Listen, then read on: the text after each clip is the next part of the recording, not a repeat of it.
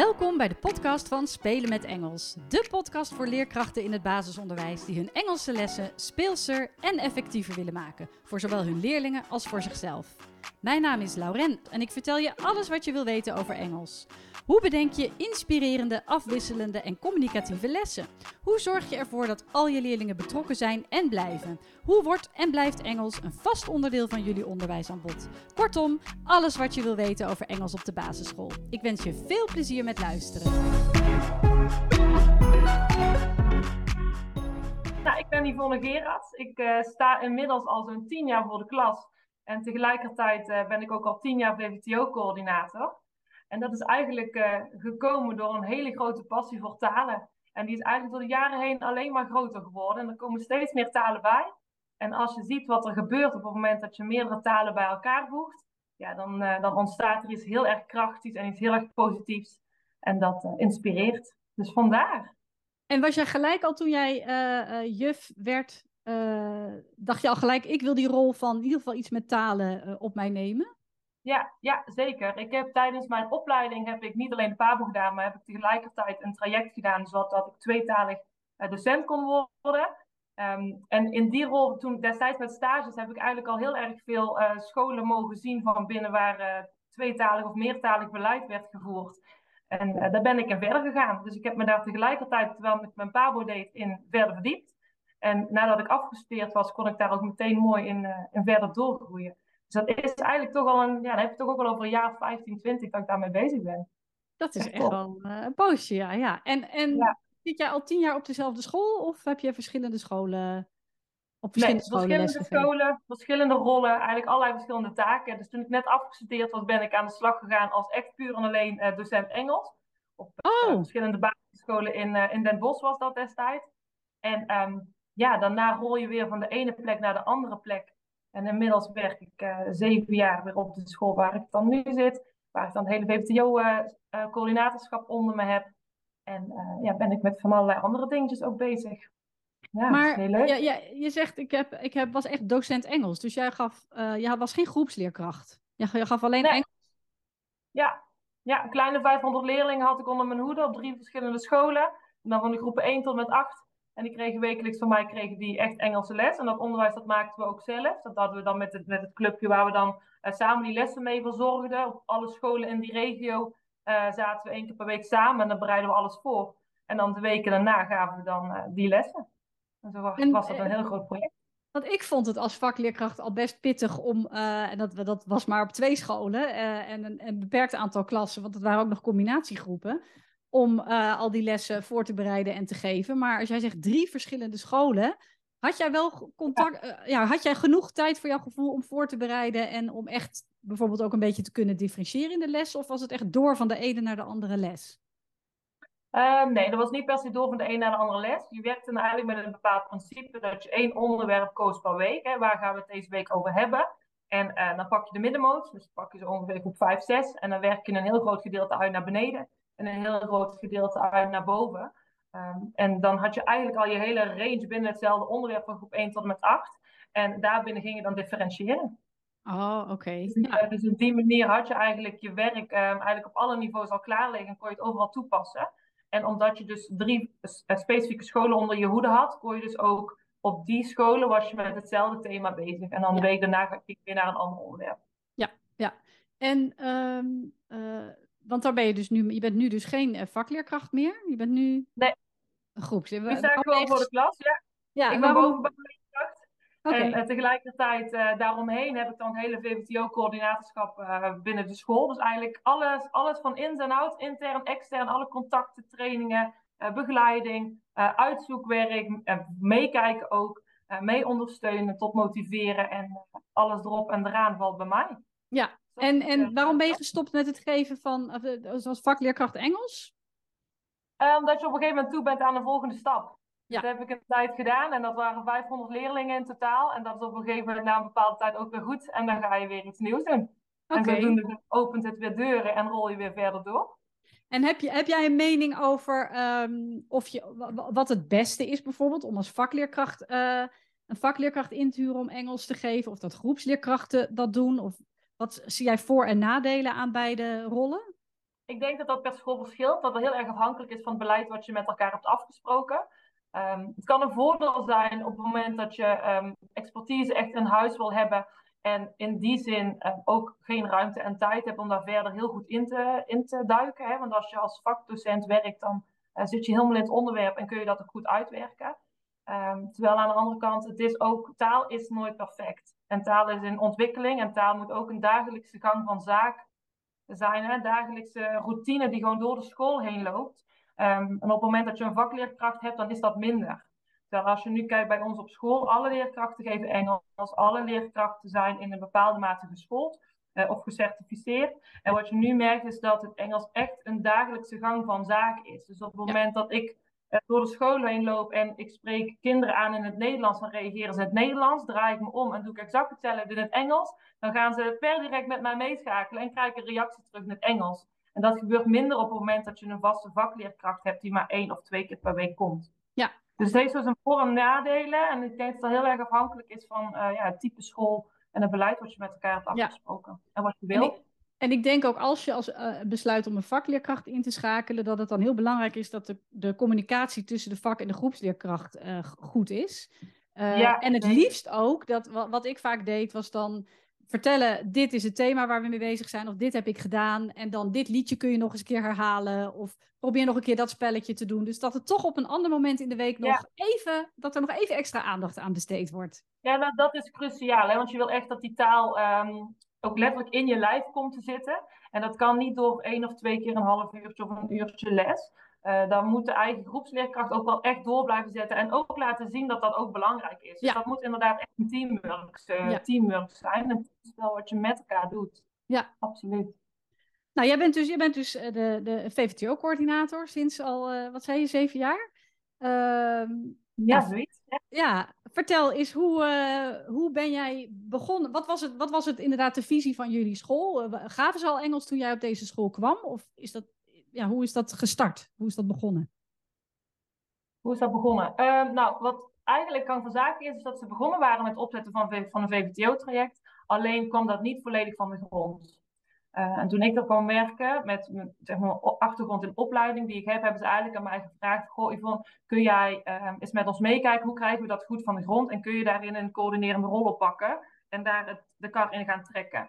En wat je eigenlijk zag, is dat um, ze wel gemotiveerd waren, maar ook al een hele hoop drempels hadden gehad. En daardoor ook wel een klein beetje opzagen tegen een plan om weer opnieuw te gaan starten. Ja, dat hoor je uh, wel vaker, ja. ja. Ja, dus wat eigenlijk voor mij de belangrijkste zaak was, was om de drempels weg te halen. En om het, de, het leren van een nieuwe taal, hoe moeilijk dat ook is. Want hè, op het moment dat je een nieuwe taal eigen moet gaan maken, ja, dat, dat is moeilijk. Hè? Om dat bij het team te erkennen en om drempels weg te gaan halen. Heel laagdrempelig starten, maar ook heel gekaderd starten. Dus um, aan de ene kant meedenken, drempels weghalen en er vooral voor zorgen dat, uh, dat er rust kwam in school. En aan de andere kant ook wel heel belangrijk, hele duidelijke kaders. Zo gaan we het doen. En pas als dit staat, dan gaan we goed met elkaar het gesprek aan van oké, we weten nu waar we aan toe zijn en we weten nu waar we met z'n allen staan. Wat hebben wij nu nog verder nodig om het uit te kunnen gaan bouwen? Dus als je kijkt naar de eerste paar jaar heb ik het heel erg gestructureerd. Heb ik ook echt best wel rigoureuze keuzes gemaakt in de zin van um, doen we toetsing wel of niet? Pakken we methode wel of niet? Pakken we um, een andere curriculumlijn wel of niet? Um, wat willen we wel, wat willen we niet? Welke voorwaarden stellen we aan bijvoorbeeld het eigen niveau van onze leerkrachten. Wat mogen we daarin verwachten en wat, wat wordt het plan daarin? En wat je nu ziet is dat uh, we nu de, de laatste paar jaar de gesprekken hebben gehad van oké, wat wordt ons curriculum op school? Waar gaan wij samen uh, naartoe werken? Met andere woorden, als de kinderen bij ons weggaan eind groep 8, wat kunnen ze, wat weten ze, wat is hun niveau, uh, wat kunnen we dan van ze verwachten? En hoe, wat betekent dat dan hè, aan de hand van backwards design? Wat betekent dat voor groep 7, voor groep 6, 5, 4 en zo helemaal terug naar 1? Uh, ja. Om vanuit daar dan weer te gaan kijken van oké, okay, nu dat we die curriculumlijn hebben uitgezet, wat betekent dat dan voor het materiaal dat we op dit moment hebben? Moeten we ja. daar nog iets aan aanpassen of is het goed? En uh, wat je zegt, ik zorgde eerst voor, er was eerst rust en er, was er waren kaders nodig en structuur. En je ging aan de slag met wel of geen methode, wel of niet toetsen. Deed je dat in overleg met het team? En zo ja, hoe, hoe ging dat dan? Want zeker bij grote teams, hè, iedereen heeft een andere mening. Hoe, ja. Of, of besloot jij gewoon en werd dat gewoon zo medegedeeld? Hoe, hoe gaat dat dan? Um, Wat zou je andere scholen op dit... middenweg. Het zit in een middenweg. Het belangrijkste is sowieso dat je kennis hebt. op het moment dat je hier aan, uh, aan begint als coördinator zijn, is het heel belangrijk dat je weet waar je mee bezig bent. Dus dat je je verdiept in hoe dat je een tweede taal leert, dat je je verdiept in een veranderstructuur, uh, hoe dat verandertrajecten verlopen en ook welke tijd daarvoor staat. Want dat is niet zomaar iets wat je met een jaar doet. Daar staan echt wel meerdere jaren voor. Um, dat je daar een goed plan op schrijft. Dat doe je dan met je, um, ja, met je MT, directie, in ieder geval met, met de leidinggevende. Het kunnen ook bouwcoördinatoren zijn of um, leerteamvoorzitters als er met leerteams gewerkt wordt. En dat je vooral ook in het begin heel erg goed kijkt. Hè? Wat heeft het team nodig? Wat hebben collega's nodig? Ik heb heel veel gesprekken gevoerd met collega's. Van, goh, hè, hoe kijk je er tegenaan? Wat voel je erbij? en wat je vaak zag, is dat het vooral ook heel veel frustratie was of um, onrust vanuit het feit dat ze of een vervelende ervaring ermee hadden gehad, of gewoonweg niet wisten waar ze aan toe waren, of het stukje dat er geen kennis over was. Dus als je dat in gaat brengen, langzaam op een hele laagdrempelige manier, um, zag je op een gegeven moment dat daar een switch in kwam. En dan ga je op en dan ga je bouwen. Ja. En soms bouw je dan heel erg rigoureus en structureel en ga je zeggen, zo gaan we het doen. Um, en soms is dat ook van, goh, hè, wat vinden we hier een prettig? Oké, welke kant gaan we op? Gaan we links of rechts op? Maar dan wel vanuit mijn, mijn kant met kennis onderbouwd. Ja. Dus we gaan of deze kant op, omdat, of we pakken die kant, omdat. Jullie mogen kiezen welke. Ja, en, en jij, jij uh, hebt die kennis opgedaan vanuit je opleiding, maar heb jij dan ook, dus jij zegt eigenlijk, een, als je VVTO-coördinator besluit, als je die rol op je gaat nemen, dan moet je ergens een soort van cursus doen of iets aan kennis opdoen voor hè, het leren van een tweede taal. Maar je zegt ook, dat heb ik nog niet eerder gehoord, ja, verstand hebben van verandertrajecten. Dat zou jij dus wel aanraden aan uh, beginnende VVTO-coördinatoren. Ja, zeker. En dat kun je zelfs zo groot en zo klein maken als dat je wil. Hè. Je kan daar hele, hele cursussen volgen, inderdaad. Um, maar pak een boek erbij. Lees een, um, lees, ja, lees een boek luister een podcast, bekijk online filmpjes over hoe dat uh, tweede taalverwerving gaat. Er is heel veel beschikbaar online. Um, wat je vaak ook hoort is van, goh, ik weet niet hoe ik het aan moet pakken. Nou, Google stroomt over met, met theorie en boeken en onderzoeken over hoe dat je het uh, zou kunnen doen. Um, maar begin er niet blanco aan. Dat is eigenlijk uh, de belangrijkste mededeling. Zorg dat je wel iets hebt om te kunnen onderbouwen, of in ieder geval om uit te kunnen zoeken. Maar ook dat je zegt, goh, ik weet bij welke partij je kan aankloppen voor hulp. Ja. Hè, die mij meekijkt en die uh, mee ondersteunt. En die mij net dat setje vooruit kan geven om het goed weg te zetten hier op school. Ja. En um, nou ja, dat klinkt allemaal heel uh, geweldig. Oh, rust, kaders, methode. Ik ging dat allemaal stap voor stap doen. En nu zijn we bezig met dat uh, curriculum. Zijn, welke, welke uitdagingen of problemen, maar laten we het uitdagingen noemen, kwam je tegen? Dus waar je echt wel even bij moest nadenken of een stapje terug moest doen misschien? Um, de allereerste eigen vaardigheid van het team. Wij hadden in het begin hadden we, uh, wisten we niet precies op welk uitstroomniveau onze leerlingen weg zouden gaan eindgroep 8. Dus daar hebben we ook bewust de keuze gemaakt van oké, we gaan eerst focussen op het team, zodat wij goed onderwijs kunnen bieden. En daarna gaan we pas echt opbouwen in vaardigheid. Ja. Uh, maar dat betekent dus ook dat ons team op, een, op enig moment echt ruim boven, de, uh, boven het niveau van de leerlingen moet komen te staan. Dus dat betekent dat we met elkaar wel de keuze hebben gemaakt van oké, dat betekent dus dat ons team geschoold moet zijn. En dat we willen dat sowieso 70% um, ehm, op een B2-niveau zit. Dus dat betekent dat we cursussen moeten gaan volgen daarvoor en examens moeten gaan afnemen. Uh, nou, dat is niet iets wat je van de een op de andere dag doet. Dat is ook niet iets wat uh, van de een op de andere dag het hele team doet. Dus dat is echt in fases is dat nou aan het gebeuren. We zijn er heel end daarmee, dus dat is wel heel erg mooi. Uh, dat was een hele grote drempel. Um, een ander punt waar we heel erg mee bezig zijn geweest is van hè, wat bieden we de kinderen aan die al heel erg hoog zitten in hun niveau? Wat gaan, we daarmee, wat gaan we daarmee doen? Hoe kunnen we hun faciliteren dat zij toch wel ook in hun Engels blijven groeien? Um, we zitten ook nog steeds een beetje wel te struggelen met middelbaar onderwijs. Want onze leerlingen gaan op dit moment uh, met een gemiddeld B1-niveau weg. Maar als je kijkt naar wat aan wordt geboden nog op de middelbare scholen, dan is dat nog wel heel erg laag. Ehm, dus dan zitten onze leerlingen echt aan de bovenkant um, van de klas op dat moment. Um, maar niet alleen op dat moment, dat blijven ze vaak een aantal jaar. Ja. Dus het moet, dat moet op een of andere manier moet dat gaan aansluiten. Dus daar zijn we nog heel erg mee bezig. En wat we nu zien, eigenlijk een heel groot punt wat nu aan de orde komt, is dat wij, doordat we het nu goed op de rit hebben, zie je dat er veel meer talige leerlingen erbij komen. Dus scholen weten ons te vinden, Oh ouders weten ons te vinden. Ehm, we krijgen heel veel meertalige kinderen. ehm, of kinderen die eigenlijk ook al een heel hoog Engels niveau hebben. En dat betekent dat je daarop ook wel een, een beleid moet gaan maken met elkaar. Van oké, hoe gaan we hiermee om? En wat gaan we daarmee doen in de toekomst? Dus aan de ene kant is dat heel fijn, want dat is precies wat je wil. En dat ondersteunt elkaar ook. Hè? Dus dat, dat deze kinderen dan nu naar onze school toe komen, betekent ook dat, ehm, dat dat ons onderwijs gaat versterken. Omdat je juist aan de kracht van taal in gaat zetten om meer een nieuwe taal te leren. Dus dat is Ja. eigenlijk iets heel erg moois.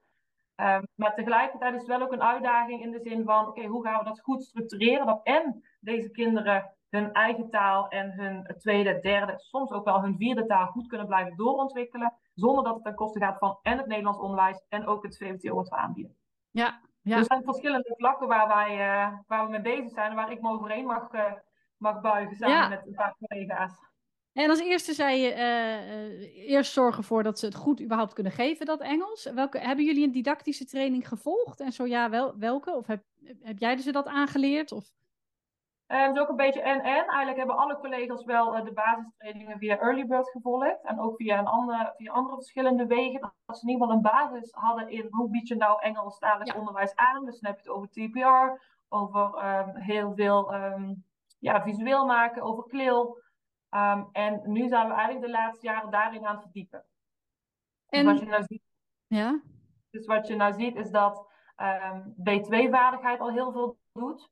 Dus als ze zelf vaardiger worden in het zelf spreken van hun taal, niet zozeer voor in de klas, maar puur hun eigen vaardigheid voor de Engelse taal, merk je dat ze makkelijker door die lessen heen komen. Ehm, we zijn klillen aan het uitbouwen, we zijn internationalisering aan het uitbouwen. En we zijn ook voornamelijk aan het uitbouwen dat het dus echt nog meer een normale gang van zaken wordt. En niet meer een les die je tussendoor draait. ja, Dat het eigenlijk net zo makkelijk is hè, dat ik 's ochtends bij de deur kan eh, zeggen good morning. In plaats van goedemorgen. En dat ik gewoon een Engelse reactie terugkrijg. En dat de normaalste zaak van de wereld is. ja. En, en eh, hebben jullie groot... Want ik, ik kom natuurlijk ook wel op veel scholen en ook wel weer terug na een paar jaar. En dan zeggen ze, ja, de helft van het team is weg en we kunnen eigenlijk weer opnieuw eh, beginnen. Is dat iets waar, waar jij op deze school ook tegenaan loopt? Dat je, of dat je dat ergens in je achterhoofd hebt van, pff, ik ben zoveel aan het investeren en straks zijn ze weg? Of is dat gewoon Ja. het risico van het vak? Ja, dat is deels het risico van het vak. Zeker. En dat betekent eh, voor mij dat ik het samen met, ehm, samen met het MT goed weg moet zetten. En ook samen met, eh, met leerteamvoorzitters in ons, in ons geval. Van, hè, hoe zit alles in elkaar? Dus dat betekent dat als wij een bepaalde toets afnemen of een bepaald, eh, bepaalde activiteit doen, dat dat dus dusdanig goed staat uitgeschreven, dat ieder ander die binnenkomt en het leest, eigenlijk precies weet, oké, zo moet ik het aanpakken. Oké, Maar als je het hebt over eh, eigen taalvaardigheid, ja, dan zijn een paar collega's die op het taalniveau zaten, hè, die weer weg zijn. En er komen weer een paar nieuwe bij, die dan dus weer inderdaad die B2-cursus moeten gaan volgen. En dat is denk ik een natuurlijk verloop en dat Ja. hou je niet tegen. En verwachten jullie ook, eh, is dat ook iets wat jullie als met, bij nieuwe leerkrachten gelijk melden? We verwachten dat je sowieso natuurlijk affiniteit hebt met Engels, maar ook dat je dat B2-niveau gaat, eh, gaat halen op, de, op den duur of binnen zoveel tijd? Of... Ehm, nou, zeker het stukje affiniteit. En ook wel zeker het stukje van, goh, hè, weten dat als je bij ons op deze school komt werken, dat het wel betekent eh, dat we veel doen met VBTO en meertaligheid. Dus dat je daar zeker wel ook toe bereid moet zijn om je daar verder in te verdiepen. Ehm, en dat je op een gegeven moment inderdaad ook die cursus gaat volgen als dat er goed in zit. Ja. ja. Maar dat geldt ook voor stagiaires. Hè. We hebben ook stagiaires die heel bewust nu voor onze school kiezen. eh, omdat ze aangeven, goh, ik heb zelf een meertalige achtergrond. Of ik heb zelf affiniteit met Engels. Of ik wil me verder erin verdiepen in hoe dat, dat werkt. En eh, ja, zij vinden hun weg naar ons. Dus dat is wel Ja. heel mooi. Ja, dat is echt wel heel leuk inderdaad. Ja, je zei ook eh, andere problemen of uitdagingen waar we tegenaan lopen, is überhaupt het, het differentiëren. En dus dat het komt eigenlijk ook neer op de kinderen die nu dus op school komen. Ehm, en je zegt ook, ja, de aansluiting naar het VO, ja, dat is lastig of lastig. Eh, dat wordt een uitdaging, omdat eh, in het VO het niveau vaak lager ligt. Dat is eigenlijk natuurlijk iets, ja, iets wat, je, wat het VO moet oppakken, lijkt mij. Want jullie gaan niet je onderwijs, ja, gaan niet een stapje terug doen in het, on- in het Engels onderwijs. Nee, wij gaan, eh, wij gaan geen stap terug doen. Nee, absoluut niet. Eh, maar dat betekent wel dat er gesprekken gevoerd moeten gaan worden. Hè? Dat je scholen benadert en dat je met elkaar gaat kijken van oké, de leerlingen die vanuit onze kant naar jullie toe komen. Ehm, wat kunnen we ze bieden? Hoe kunnen we ervoor zorgen dat zij hun, um, hun voortgang door kunnen zetten? Ja. Wellicht kunnen zij, um, wat je tegenwoordig ziet op veel VO-scholen, is dat ze ook al uh, eerdere Engels-examens aanbieden. Kunnen ze dat naar voren halen? Kunnen ze bijvoorbeeld al eerder deelnemen aan een hoger traject? Kunnen ze bijvoorbeeld in de onderbouw al hun examens doen? en kun je op die manier een weg vinden dat ze toch wel ja, door kunnen groeien? Ja. Ja, ik hoorde ook af en toe wel van mijn leerlingen dat ze zeiden: Nou, ik vind het niet zo erg dat ik met Engels al zo ver ben, want het is allemaal zo nieuw en zoveel. Engels kan ik gewoon eventjes, dat laat ik gewoon even en kan ik me even focussen op al die andere vakken die nieuw zijn. Dus ja, dat, precies. Uh... Dat krijg ik ook wel van leerlingen terug hoor, als ze terugkomen. Dat ze zeggen: Goh, ik ben gewoon, hè, ik zit aan de top van de klas. Om alles wat we gehad hebben, ja, dat hadden wij al hier in groep 3, 4. Dus dat is voor mij al helder. Um, en dat, het, geeft ook, het geeft inderdaad ruimte. Het moet alleen niet voor, uh, voor een teruggang uh, zorgen. Nee. Nee, precies. Nee. En um, nou, je gaf al een paar punten aan wat, jou, wat jij als, als, als coördinator doet. Um, heb, heb je nog iets niet genoemd? Wat zijn, jouw, wat zijn nu jouw dagelijkse taken? Hoeveel uur heb je daarvoor? Uh, hoe ziet jouw rol daar een beetje in uit? Ja, het aantal uur wisselt eigenlijk een beetje per jaar, omdat je ook natuurlijk te maken hebt met formatie en uh, ja, die groepen moeten en blijven, hè, moeten man blijven. Uh, dus dat wisselt een beetje per jaar en goed overleg. Maar waar ik vooral mee bezig ben, um, is dat eigenlijk iedereen, ja, dat die bal blijft rollen. Dat is eigenlijk het belangrijkste stukje, dat die bal blijft rollen. Um, en dat je met iedereen contact hebt. En met iedereen bedoel ik voornamelijk dat je intern goed in de gaten houdt hoe het met iedereen gaat. En hoe het ook met de leerkrachten gaat. En of het haalbaar is um, dat ze het onderwijs kunnen blijven geven. En dat als het niet mhm. haalbaar is, dat we met elkaar gaan kijken, oké, okay, hoe kunnen we dit oplossen? En ook soms kunnen we dit oplossen, ja of nee. En als het nee is, dan gaat het heel even belaagd pitchen. En dan zoeken we een paar weken daarna weer een andere oplossing. Uh, dat aan de ene kant. Um, en aan de andere kant heb ik ook heel veel externe contacten. In de zin dat je uh, contacten onderhoudt met uh, leveranciers die het materiaal voor jullie verzorgen. Voor ons in dit geval. Um, maar ook op netwerkbijeenkomsten. En dat ik daarbij aanwezig ben, zodat ik op de hoogte ben van de nieuwste ontwikkelingen achter VVTO en internationalisering. Um, dat ik daar ook mijn lijntjes kan blijven leggen. Hè, dat we kunnen sparren met andere scholen. Dat is ook een hele belangrijke. Dat je elkaar opzoekt en dat je weet van elkaar. Oké, wij zijn hiermee bezig, wij zijn daarmee bezig. Hoe kun je elkaar daarin ondersteunen? Dus dat is een hele belangrijke. En dat, dat je eigenlijk verder al je, je, ja, je lijntjes in de gaten houdt en onderhoudt. Ja, en doe jij ook aan lesbezoeken? Dus dat je bij collega's gaat kijken hoe het ja. eraan toe gaat? Of? Ja, ja, soms echt in een ronde. Dat ik zeg van, goh, schrijf je in. Ik kom heel even langs om te kijken of wat. Uh, soms ook dat leerkrachten zeggen: Goh, kun je alsjeblieft eens even komen aanhaken? Want ik heb het idee dat het niet loopt. Uh, maar misschien heb je daar een andere blik op. Of dat leerkrachten aangeven van, goh, kun je met mij meedenken? Want uh, ik merk dat dat wat we met de boeken doen of met het materiaal, dat dat niet werkt. Maar ik merk wel dat ze heel erg aangaan op KLIL. Nou prima, dan gaan we alle content vanuit de boeken en het overige materiaal verwerken in KLIL. Dat we het toch kunnen aanbieden, maar dan op een manier die past bij de groep. Um, maar je zegt ja, de... Dus het, het, het wisselt heel erg. Maar je, je zegt we, van dan passen we dat aan uh, aan de groep of aan het materiaal wat we hebben. Maar dat is, niet, dat, dat is wel, het is best wel ingewikkeld, of niet? Dat vergt wel tijd. En doe je dat dan samen met de groepsleerkracht? Of met een, doe jij dat zelf? Of hoe, hoe ga je dan ja, dat, dat materiaal aanpassen? Samen. Dat ja.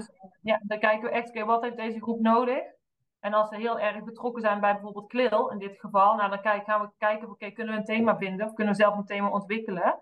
Um, waar de inhoud in zit, maar dan in kleelvorm. Ja, ja, ja, ja. En dan kunnen we in principe de boeken aan de kant laten liggen. En dan volgen we toch ons curriculum. Hè? Dan kijken we toch heel doelgericht van, oké, wat willen we dat ze hier in dit leerjaar leren? Zodat ze uiteindelijk op B1 kunnen uitstromen in groep 8. Um, ehm, ja, en voor ons is het eigenlijk, het maakt dan niet uit of je dan met een boek werkt of met kleel of op wat voor manier dan ook, als uiteindelijk die kennis uh, er maar zit. Ja. Dat is het belangrijkste.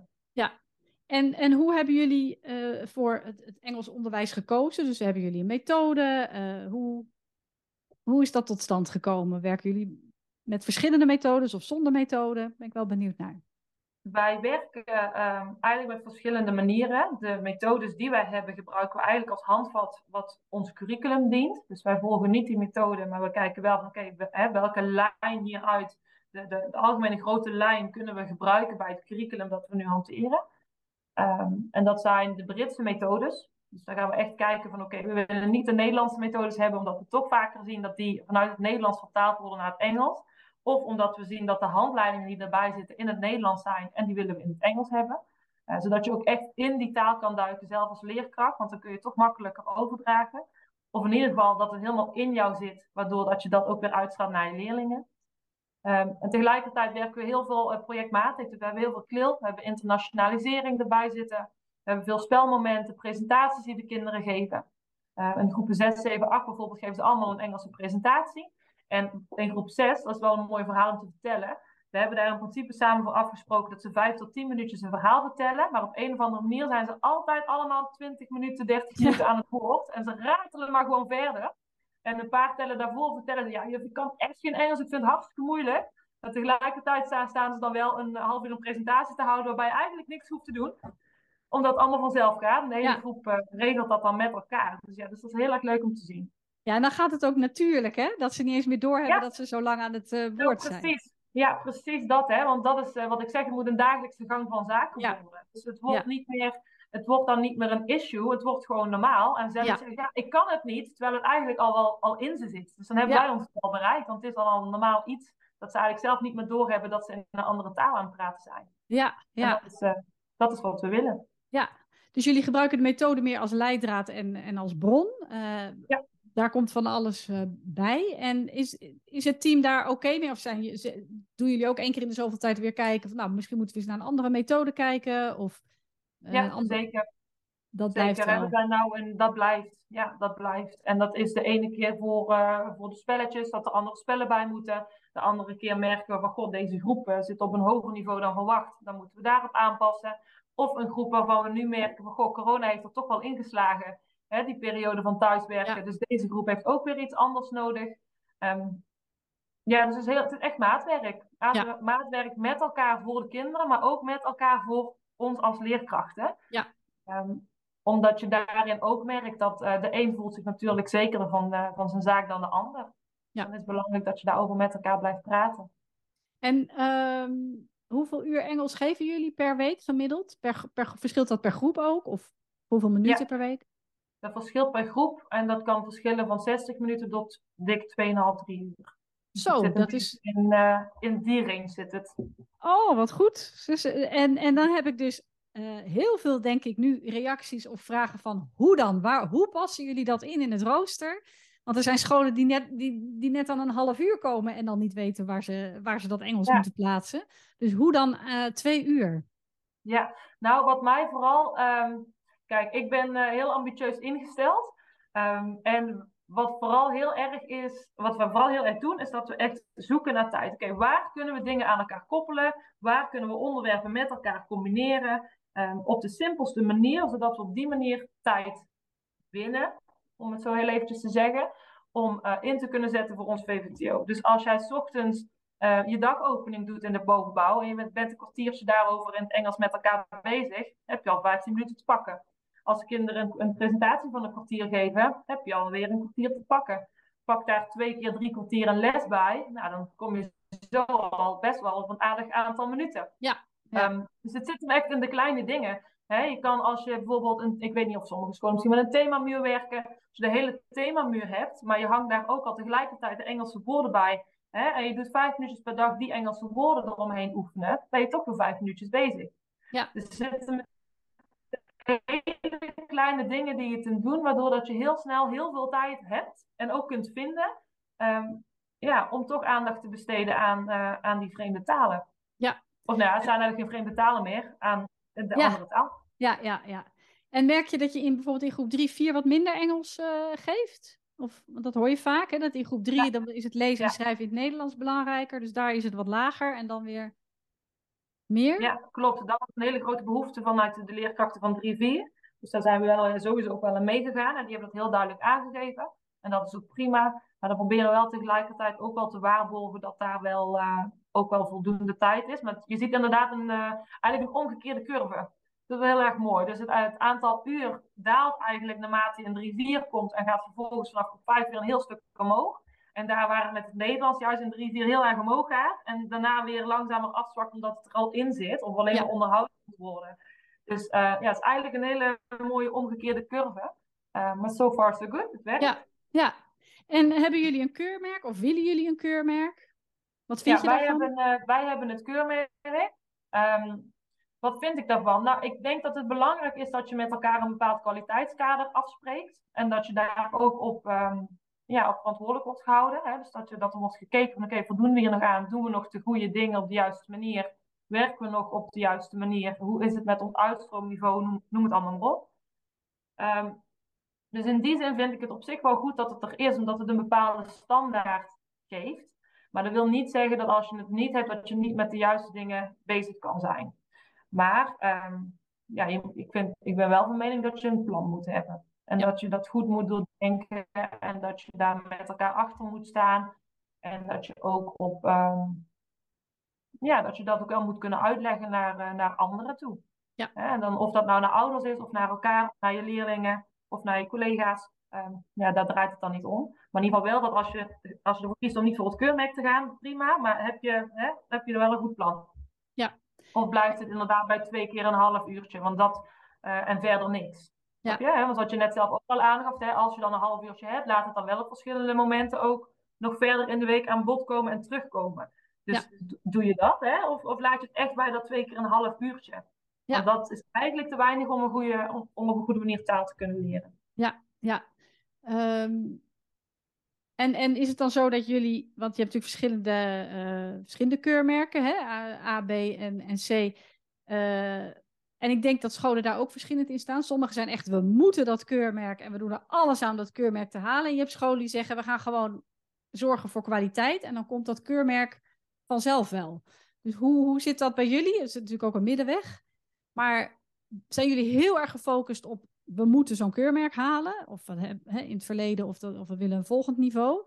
Of is het meer, we leveren gewoon kwaliteit, we doen ons ding en dan komt daar vanzelf uiteindelijk een keurmerk uit?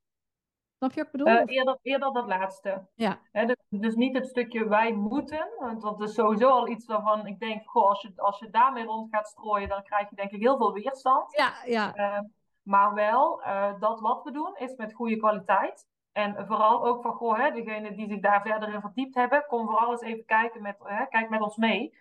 Um, kijk waar we het nog beter kunnen doen. En als daar een mooi keurmerk aan vasthangt, dan is dat heel fijn. Ja. Maar vooral het stukje hè, kwaliteit is, uh, is belangrijk. Ja. Niet het moeten omdat we het moeten. Want dat voelen hè, wat het is, is dat je je collega's, je, je leerlingen, ouders, iedereen die in school komt, op het moment dat je iets echt moet en het niet vanuit kwaliteit en enthousiasme komt, ja, dan merk je dat. Ja. Dat voel je.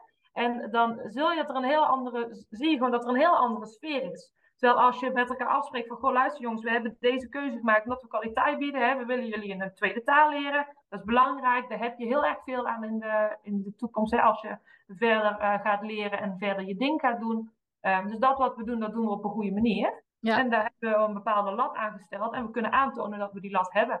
Ja, ja. Dat is een hele andere insteek. En dat voelt dat voelt iedereen in school ook. Ja. En um, nou ja, je, bent, je, bent, je begint met VVTO, dat dat Engels goed op de kaart staat. En je had het ook over, we zijn nu bezig met internationalisering. Um, ik ben heel benieuwd wat, wat jullie precies doen. En ook wat is het moment, ook voor andere scholen natuurlijk. Want dat, dit is jouw ervaring, maar wat zou je andere scholen aanraden? Wanneer komt dat stukje internationalisering erbij kijken? En wat houdt dat, wat houdt dat in? Ja, nou, als je het aan mij vraagt, komt internationalisering en bekijken op het moment dat je met Engels begint. Of met wat voor taal dan ook. Want het is natuurlijk, het is een wereldtaal. Dus je ziet hem overal, je hoort hem overal. Uh, de jongsten krijgen er al heel erg vroeg mee te maken, ook al vanuit thuis. Um, dus dan ben je al internationaal georiënteerd bezig, als het aan mij ligt. Um, daarnaast uh, is het ook zo dat op het moment dat je voor een kwaliteitskeurmerk gaat, dan moet je ook wel iets van, aan internationalisering doen. Um, dus eigenlijk vanuit die twee kanten heb je, heb je hem dan al te pakken.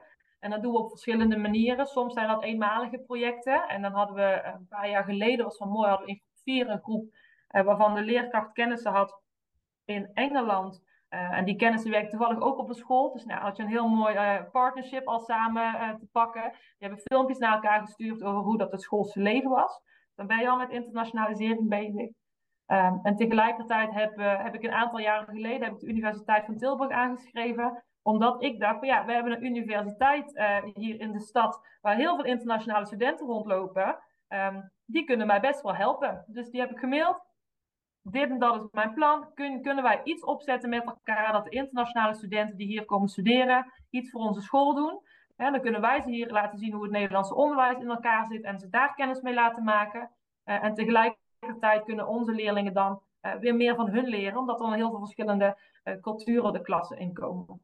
En wat je ziet is dat wij, ik denk, 10, 11 verschillende landen nu studenten bij ons hebben gehad. En dat gaat van China tot Brazilië tot Slovenië, Italië, noem het maar op. Het alle kanten op.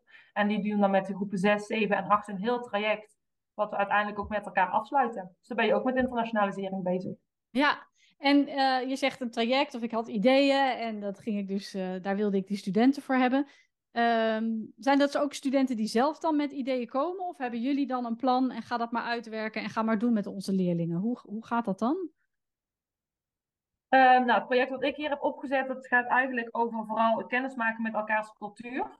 Dus in eerste instantie dat de studenten um, een vlog naar ons stuurden waarin ze zich voorstelden en waarbij dat ze een vraag hadden aan de leerlingen rondom het, de Nederlandse cultuur. En dat kan zijn eten, drinken, maar ook, ik heb ook verschillende studenten gehad die zeiden goh, mijn familie komt binnenkort mij bezoeken. Ik wil ze graag meenemen door een rondje Nederland. Waar moet ik naartoe? Hè? Kun je me dan vertellen waar ik naartoe moet? Um, en tegelijkertijd gaan dan de leerlingen daarmee aan de slag in de klas en die sturen weer een vlog terug of een filmpje of iets. Um, waarbij dat ze dat dan delen en ook weer een paar vragen stellen. Um, er komt er weer een moment waarbij dat de studenten echt ook naar school komen um, en dan al die vragen kunnen beantwoorden. En tijdens dat moment dan doen ze ook iets specifieks voor de cultuur, cultuur, van de student. Dus we hadden laatst iemand die is hele specifieke gebakjes met ze gaan bakken. Een ander heeft in hun taal echt laten schrijven, woorden laten maken. Even kijken, een tijdje geleden waren ze, waren ze weer bij ons en toen kwamen ze allemaal weer met van die handpoppetjes. Zijn ze handpoppetjes gaan maken. Nou, dat was bij ons dan uh, uh, niet een heel bekend ding, maar echt in die specifieke cultuur was dat een heel groot bekend item. Nou, dus al die kinderen helemaal trots met hun handpoppetje uit, uh, uit dat land. Dus op die manier ja, vragen we ook aan de studenten wel van, goh, hè, wat kun je vanuit jouw cultuur, wat jou als kind heel erg fascineerde bijvoorbeeld, wat kun je overdragen aan onze leerlingen? Geweldig. En dat weten wij niet, daar hebben wij hun voor nodig. Ja, echt heel erg leuk. Maar ik ben wel benieuwd, want dan zeg je, ja, dan maken zij een vlog over bijvoorbeeld ons land of over, nou ja, uh, iets over hun eigen leven of over het onderwijs. Maar hoe uh, krijgen die leerlingen dan van tevoren input? Want hoe, hoe weten zij die taal? Of hoe weten ze dat ze zo'n vlog moeten maken? Of zijn ze vanaf groep 6 al zo oké met Engels dat ze dat prima uh, zonder enige vorm van input vanuit de leerkracht kunnen maken en bedenken? Een beetje een en-en. Dus wij weten, wij weten op voorhand al natuurlijk van oké, er komt een vlog en dan gaan wij een reactie op geven. En um, omdat de meeste, meeste colleges in de zijn allemaal geschoold op eigen vaardigheid ook. Dus die staan allemaal ruim boven de, boven de stof als je het hebt over Engels. Uh, dus zij zijn ook in staat om met de kinderen zinnen te maken. Maar vooral ook een stukje van, goh jongens, hè, we hebben dit filmpje nou gezien. Hoe kunnen wij nou antwoord gaan geven op uh, de vraag die ze stelt? Nou, hoe gaan we dat aanpakken? En dan ook heel veel regie en autonomie bij de kinderen laten leggen. En wat je dan merkt, en dat is het mooie, Um, als wij een Engelse les geven, gaat het echt over de taalstructuur hè, en echt het cursorisch leren van de taal. Terwijl als je met een project als dit bezig bent, dan weten ze van oké, okay, wacht even, deze persoon spreekt echt geen Nederlands. Ik kom er echt niet uit, onderuit. Dus we moeten nu met elkaar wel echt ons Engels gaan inzetten. En we hebben elkaar daarbij nodig om ervoor te zorgen dat we wel een verhaal hebben. Want over ja. een paar weken staat de student hier op de stoep en dan moeten we dat wel kunnen vertellen. En daar, daar ondersteun je ze bij. Um, ja, in, in een bepaalde mate die natuurlijk nodig is. Maar je stimuleert ze dat ze dat voornamelijk zelf gaan doen. En dat lukt. Ja, echt heel leuk. Dus dat is echt, echt voor de bovenbouw eigenlijk, dat soort projecten. Doe jullie ook in de onderbouw uh, iets met internationaliseren? Groep 7 en 8 hebben we dat project. Um, even kijken, groep 6, 7, 8 is nu het project met de universiteit. In de middenbouw proberen we heel veel studenten in te zetten in de zin van dat stagiaires activiteiten met ze ondernemen. En uh, op dit moment is het in de onderbouw nog, nog wat minder. Maar uh, ja, wat niet is, kan nog komen. En, um, oh, ik had nog een vraag. Nou ben ik hem vergeten. Uh, jammer, weet ik niet meer. Maar, um, oh ja, ik weet het alweer. Wat zou je andere scholen aanraden als zij ook zeggen van, nou, we willen niet alleen maar losse Engelse lesjes, we willen ook veel meer met dat internationaliseren. Hoe, waar begin je? Je hoort natuurlijk heel veel e-twinning. Ga daar maar eens een project op zoeken. Of is, is er nog iets waarvan je zegt dat dat is een goede tip? Hoe, hoe begin je daarmee? Uh, nou, ik zou dus vooral kijken naar wat heb je in je omgeving om je heen al.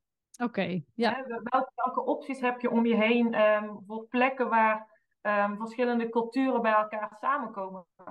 En kun je die mensen benaderen en vragen van, kom eens naar ons toe en Ja. eh, kijk eens met ons mee. Of kun je de kinderen wat leren over jouw cultuur in de Engelse taal?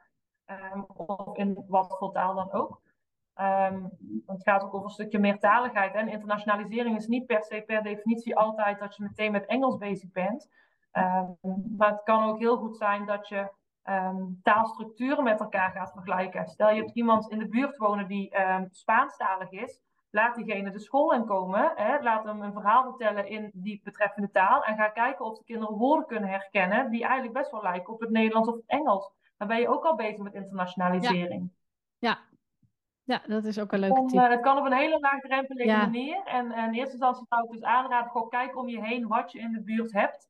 Ehm, en wat je in huis kan, wat je in huis kan halen. Ja, gewoon laten zien hoe belangrijk andere talen zijn en die allemaal betrekken ook bij, eh, bij het onderwijs. Ja, dat ge- Ja. gebeurt helaas ook Ja. nog wel eens dat mensen, de- dat leerkrachten denken, ja, eh, zo moet, we moeten allemaal Nederlands spreken, ook al ben je eigenlijk Pools en jij bent Turks en, en jij bent Marokkaans, maar eh, juist die talen erbij betrekken in de klas, hè? dat is wel echt heel belangrijk. Dat Ja, elke taal, Ja, nou, dat is misschien nog wel het belangrijkste om vervolgens het Nederlands goed te kunnen aanleren. Ja. Als je meertalige kinderen in de klas hebt, dan ehm, ben je eigenlijk wel aan ze verplicht dat ze iets kunnen doen met hun basistaal. Omdat dat de taal is waar zij in opgroeien. En pas als die goed doorloopt en die ontwikkeling zich goed verder doorzet, dan kun je daar een volgende taal, en in dit geval dan het Nederlands, pas aan gaan verbinden. En Ja. als je eigenlijk zegt, van, goh, die taal mag er niet zijn, dan kunnen ze zich in hun eigen taal ook niet doorontwikkelen. En dan wordt het eigenlijk alleen maar moeilijker. ja, En dat is Ja. zonde. Ja, zeker. Ehm, nog heel even over, over jouw eh, eh, school en dan nog, dan nog wat meer over, dat, eh, over jouw eh, toekomstplannen, want daar ben ik ook wel benieuwd naar. Maar ehm, zie jij echt een duidelijk verschil ook in hoe leerlingen en leerkrachten dus een paar jaar geleden met Engels bezig waren en het niveau van leerlingen nu? Houden, houden jullie dat op de een of Ja. andere manier nu wel bij, ook misschien qua toetsen? Of... Ja, inmiddels houden we het bij. Ehm, wat je vooral ziet is dat er echt een omslag is in het stukje van eerst we moeten dit doen en nu naar dit hebben we afgesproken, dus we gaan dit doen. Daar is al een heel groot verschil in. En wat je ziet is dat ehm, de kinderen die nu in de bovenbouw zitten, dat zijn eigenlijk de kinderen die voor het eerst nou echt al die zes, zeven jaar dat we dit beleid doorvoeren, het ook echt helemaal door hebben kunnen voeren. Ja, En eh, wat je ziet is dat de kinderen die eh, acht, eh, zeven, acht jaar terug bij ons zaten, die zaten echt op een A1, A2 niveau. Ook al wel een heel net niveau, maar daar kon meer uitgehaald worden. En wat we nu zien is dat ze echt volwaardige gesprekken kunnen voeren. Wat je mag verwachten van een kind tenminste. Ehm, en dat dat op kindniveau ook echt op B2, B1 niveau is. Ja. Dus dat is wel heel erg mooi om te zien. Ehm, inmiddels hebben we ehm, ook inderdaad daar toetsing aan gekoppeld. In de groep 8 vindt er een examen plaats aan het einde van het jaar. En dan krijgen we ook echt op alle va losse vaardigheden een, eh, een, een toets scoren. Waarbij je kan zien van, goh, hè, dit is jouw nu op dit moment je aantoonbare niveau voor deze vaardigheid. Um, en in groep 8 is die formatief. En in groep, nee, andersom. In groep 8 Ja. is die op dit moment summatief. En in groep uh, 6 zijn we die nu formatief aan het inzetten. Dus dat wij weten van, oké, okay, wij hebben een uitstroomniveau van A1, nee, B1, wat wij graag willen in eindgroep 8. En dan gaan we in groep 6 kijken van, oké, okay, waar staan we nu met al het aanbod dat we hebben gedaan volgens ons curriculum dat we hebben weggezet. Um, waar staan we nu en wat moet er verder nog qua differentiatie gebeuren om er inderdaad voor te zorgen dat we met z'n allen een B1-niveau aanhalen aan het einde van groep 8. En doen jullie dat aan het begin van groep 6 of aan het eind van groep 6? Um, zo halverwege aan het eind. Oh, oké. Okay. Ja, en, en welke we wel toetsen... nog het hele jaar groep 6 hebben. Ja. En welke... Is dat van Cambridge of Anglia? Of welke toetsen zijn dat die jullie daarvoor inzetten? Weet je Wij dat? maken gebruik van Pearson Benchmark. Oh, ja, de benchmark toetsen van Pearson. En dan toetsen jullie dus alle vier de vaardigheden apart. Dus luisteren, lezen, schrijven en uh, spreken. Um... Nee, niet apart. Dat zit, um, wat, wat Benchmark doet, en dat is eigenlijk wel het fijne en ook het motiverende dat je toch met kinderen aan het werken bent. Um, het is in een spel gegoten. Dus alle opdrachten, alle vaardigheden komen in de vorm van een spel komen ze aan bod. En ze moeten alle opdrachten zelf uitvoeren. En dan komt ook spreekvaardigheid in aan bod in de zin van, goh, hè, je ziet hier een situatie. Vertel eens, wat zie je? Probeer dat in goede zinnen te doen. Um, Dus eigenlijk heb je al die spelelementen bij elkaar. En alle opdrachten zijn dan aan een bepaalde vaardigheid gekoppeld. En op het moment dat zij het dan indienen, dan krijg ik binnen een half uur tot een uur een rapportage van iedere leerling. En dan krijg ik precies te zien van oké, waar staan ze? Um, en wat is de vergelijking ten opzichte van uh, de methodes die wij zeg maar als uh, houvast gebruiken, mede voor ons curriculum. En ook hoe kun je ervoor zorgen dat ze dit verder kunnen doorontwikkelen. Dus je krijgt en een evaluatie en we krijgen een link naar het huidige materiaal. En we krijgen ook een advies op hoe dat je kunt differentiëren en hoe dat we ze verder kunnen ondersteunen. Dus is het belangrijk dat, jij, dat je die Pearson, dat je die Pearson toetsen combineert met een Engelstalige methode? Of niet? Dat kan. Ja, dat, is, dat kan. Want je zegt het wordt gelinkt aan het, het, het materiaal wat we hebben aangeboden. Ja, ja. ja. Het, kan, maar en... het kan gelinkt worden. Het is niet voorwaardelijk. En de spreekvaardigheid? Nee, en de spreekvaardigheid gaat per computer dus. Dus niet per, tegen de leerkracht. Nou, en en, hè, want je volgt ze natuurlijk een hele jaar door. Dus daarom volg je zelf al de lijn en hou je het zelf bij. En tegelijkertijd wordt het ook in de benchmark meegenomen. Ja, oké. Ja, nou dat is een, denk ik een hele interessante. En uh, tot groep 5 toetsen jullie eigenlijk niet? Tot groep, tot groep 5 is het eigenlijk het stukje, hè, je hebt je curriculum. Dus we hebben daarin de doelen en we houden zelf goed in de gaten en goed bij met, oké, wat betekent dit en lukt dit en gaat het? En we zijn er naartoe aan het ontwikkelen dat we eigenlijk ook willen kijken van, oké, hoe kunnen we nu echt ervoor gaan zorgen dat we ook um, bepaalde bewijslast hebben waarbij kinderen zelf kunnen aantonen met de leerkracht goh, kijk, ik heb dit doel gehaald. Maar dat is nog een stap waar we echt naartoe aan het werken zijn. Ja, ja. Um, wat zou jij uh, uh, andere scholen aanraden die uh, net beginnen met Engels en geen idee hebben, wat, wat is dan stap 1? Stap 1 is kennis krijgen. Oké. Okay. Dus zorgen van, oké, okay, waar, hebben we het, waar hebben we het over? Um, hoe kan ik dit doen? Wat gaat dit betekenen voor onze school? Wat gaat het betekenen voor de leerlingen? Um, hè, wat ik eerder al zei, dit is een verandertraject waar je ingaat. En verandertrajecten kosten tijd. En daar zit ook gegarandeerd wel uh, een moment bij dat je met z'n allen denkt, waar ben ik aan begonnen? Um, omdat je echt door die leerkuil heen moet met z'n allen. Dus het is heel belangrijk dat je kennis hebt en dat je klein begint, maar dat je ook iemand hebt die grote doelen stelt en die ook hele duidelijke kaders maakt. En dat je je met elkaar in een gesprek, een goed gesprek, je daar ook aan, in, ja, dat je jezelf daaraan houdt, met elkaar. En, wat ik en ook... natuurlijk is het zo dat als je ergens uh, erachter komt van, goh, dit lukt niet, dat je met elkaar in gesprek gaat en kijkt, oké, okay, hoe kunnen we het hè, met elkaar aanpassen? Maar wel dat je uh, bepaalde kaders stelt en ook een plan hebt. En wat ik ook wel vaak hoor, is dat eh, VVTO-coördinatoren soms aanlopen tegen uh, of de directie die er niet helemaal achter staat, of die zegt, ja, prima dat je het doet, maar wij hebben er eigenlijk geen, geen extra uren voor. Um, en dan, uh-huh. ja, dan, dan is dat echt wel vaak teleurstellend, want zo iemand wil wel, maar daar is gewoon geen plek voor. Dus kan je ongeveer een inschatting geven? Ja, ik denk dat dat lastig is, maar hoeveel uur je daar in het eerste jaar bijvoorbeeld dan mee bezig bent. Of hoeveel uur je er eigenlijk voor zou moeten krijgen. Wat... Ja, veel. Veel wel. Kijk, ik heb, um, ik heb jaren gehad dat ik um, een dag ambulant was ervoor. En dan kun je heel veel bereiken en dan kun je heel veel verzetten. Um, maar er zijn ook periodes geweest dat die dag er niet was. Dus dat je het daarnaast moet doen. en je kan ook met elkaar afspreken van, goh, één iemand bewaakt de kaders. En we hebben allemaal een taak. Hè, dat hebben we allemaal met elkaar verdeeld. En iedereen is verantwoordelijk voor die taak. Dus dat je met kleine stukjes toch een hele grote stap kunt zetten. Dat iedereen daaraan bijdraagt. Uh, maar je hebt je, je hebt je MT wel nodig. Ja, ja zeker. Ja. Je hebt elkaar er echt nodig. En zeker ook je MT, want je moet gefaciliteerd worden. Um, al is het maar om één keer in zoveel tijd een cursus te volgen. Of om naar een conferentie te gaan. Of om naar een netwerkbijeenkomst te gaan waar je kennis kan krijgen.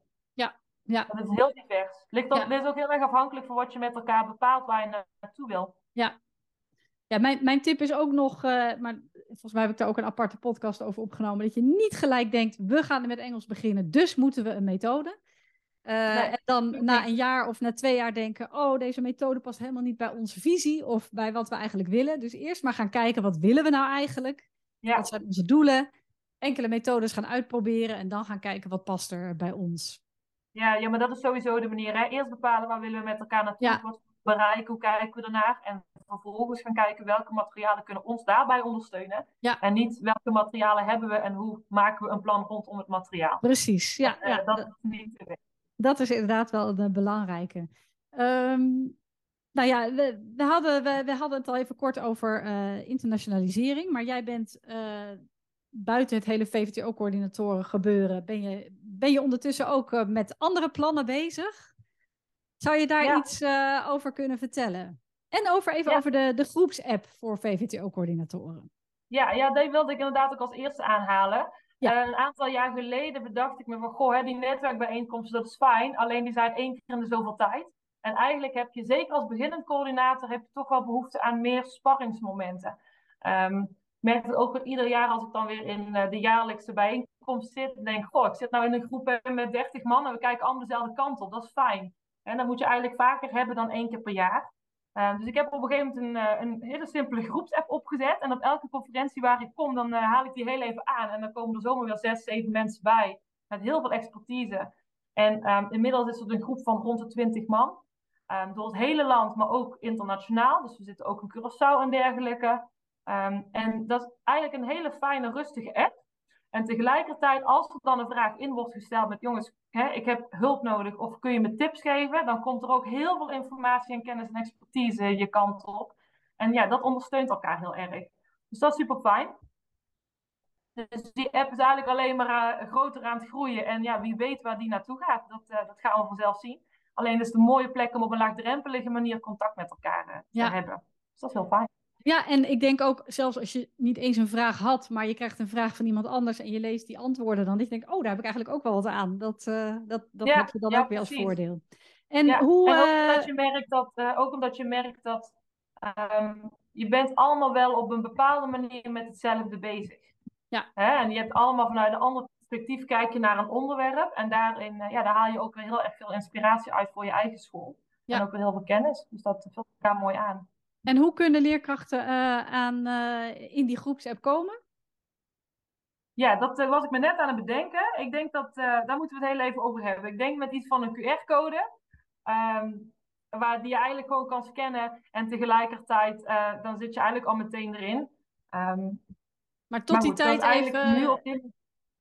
Misschien dat gewoon via, tijd... even via mijn e-mailadres. Als ze zeggen van nou, daar heb ik ja, interesse in en dat, dat ik het doorstuur. Ja, ik denk dat dat een goede is. Dat ze even contact met jou opnemen. Dat jij de QR-code met ze kan delen. Um, want tot nu toe was het eigenlijk, hè, als je elkaar face-to-face ziet, van goh, hè, als je wil, haak aan. Dus dat is makkelijker dan uh, online. Maar als ze jou inderdaad uh, contacten, dan kunnen ze er zo in. Absoluut. Ja. Ja, dat is de, ja, je wil wel weten wie erin komen natuurlijk. En, uh, ja, nou ja, dat ik, ook een beetje. Hè? Er is een, uh, een Facebookpagina uh, Engels in het basisonderwijs die ik beheer. En daar zijn ook vooraf even twee vragen die je moet beantwoorden. Werk je in het basisonderwijs en geef je Engels? En dan heb je in ieder geval een beetje een richtlijn van zit, zit je wel goed ja. in deze groep. Dus ja, als deze, jij... Is echt bedoeld voor echt, echt coördinatoren. Ja. Dus als jij VVTO-coördinator bent, je luistert deze podcast en je denkt... oh ik kan wel wat inspiratie gebruiken of ik heb af en toe wel eens een vraag en dan wil ik wel wat sparren. Mail even naar info.spelenmetengels.nl en dan uh, of ik heb een QR-code voor je of ik stuur jouw gegevens weer door naar, um, naar Yvonne en dan uh, kom je vanzelf in die groepsapp. Dat lijkt me een goede uh, volgorde zo. Ja, ja. denk ik zeker. Um, ja, en ik... verder, verder ja. toekomst. Ja, ik ben... Um, ik wil natuurlijk vooral mijn kennis heel erg delen. Hè? Dus waar ik vooral nu mee bezig ben, is dat, um, dat ik um, mijn eigen onderneming aan het op ben uh, aan het zetten. Vooral om te gaan kijken hoe kan ik scholen begeleiden bij het opzetten van uh, beleid rondom meertaligheid, VVTO, internationalisering. En daar, um, ja, daar ben ik nou stappen in aan het zetten, zodat ik ook andere scholen op weg kan uh, helpen met het zetten van de kaders die past bij de visie die zij samen hanteren. Ja. Dus dat, dat is mijn volgende stap, dat ik anderen ga helpen en ook andere scholen ga begeleiden daarbij.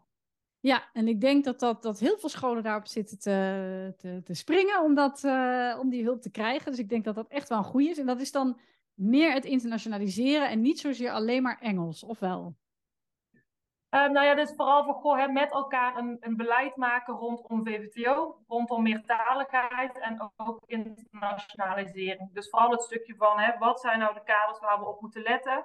Uh, maar ook letterlijk komen samen om tafel zitten. En hoe kunnen wij er nou voor zorgen dat wij goed beleid kunnen wegzetten voor ons hier op school? Uh, wat past bij een van deze drie onderdelen? Um, en bij wat wij nodig hebben volgens onze visie. Dus eigenlijk het stukje uh, taalplannen. Ja, En, als je, en behalve het beleid, hè, de visie, beleid, doelen, ben jij, ben jij ook uh, er voor scholen om dan daadwerkelijk zo'n heel curriculum op te zetten? Dus een hele leerlijn voor groep 1 tot en met 8 uit te zetten? Of dat is dan weer.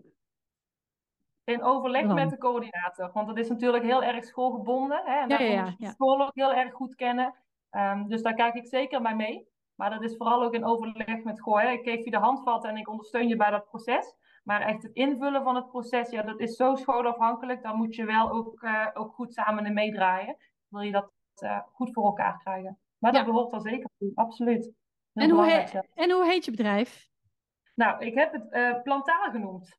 Als plantaal? In taal, ja, plantaal als in je moet je taal plannen. dan moet je goed over nadenken, moet je een plan voor maken. En het mooie wat ik ook vond, is dat het woordje plan is eigenlijk in heel veel talen heeft het exact dezelfde betekenis. Dus dat vond ik wel uh, toepasselijk. Ja. Dus het is plantaal geworden. En uh, mocht daar interesse voor zijn, dan ben ik via plantaal.outlook.com ben ik bereikbaar. Plantaal.outlook.com. Er is nog geen website, maar die komt denk ik wel uh, binnenkort dan. Wellicht. Dat is allemaal nog ja, in de kinderschoenen. in de kinderschoenen. Ja. ja, zeker.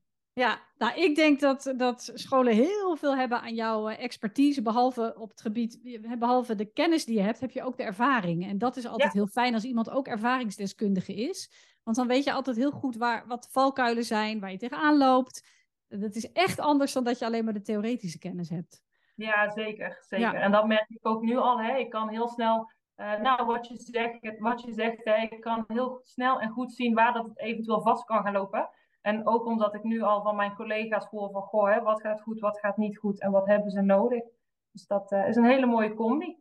Nou, ik ben heel erg benieuwd naar wat, uh, wat je allemaal gaat doen in de toekomst. En ik ga je zeker promoten, want ik weet dat er heel veel scholen hier, dat er heel veel vraag naar is op scholen. Juist op dat stukje beleid. Um, en ja, ik denk dat het ook een mooie aanvulling is weer op wat ik doe. Dus dat is ook altijd mooi. En samen kunnen we dan ja, dat, dat hele Engelse, eh, Engels op de basisschool nog leuker, beter en, en gestructureerder maken. Ik denk dat dat wel belangrijk is.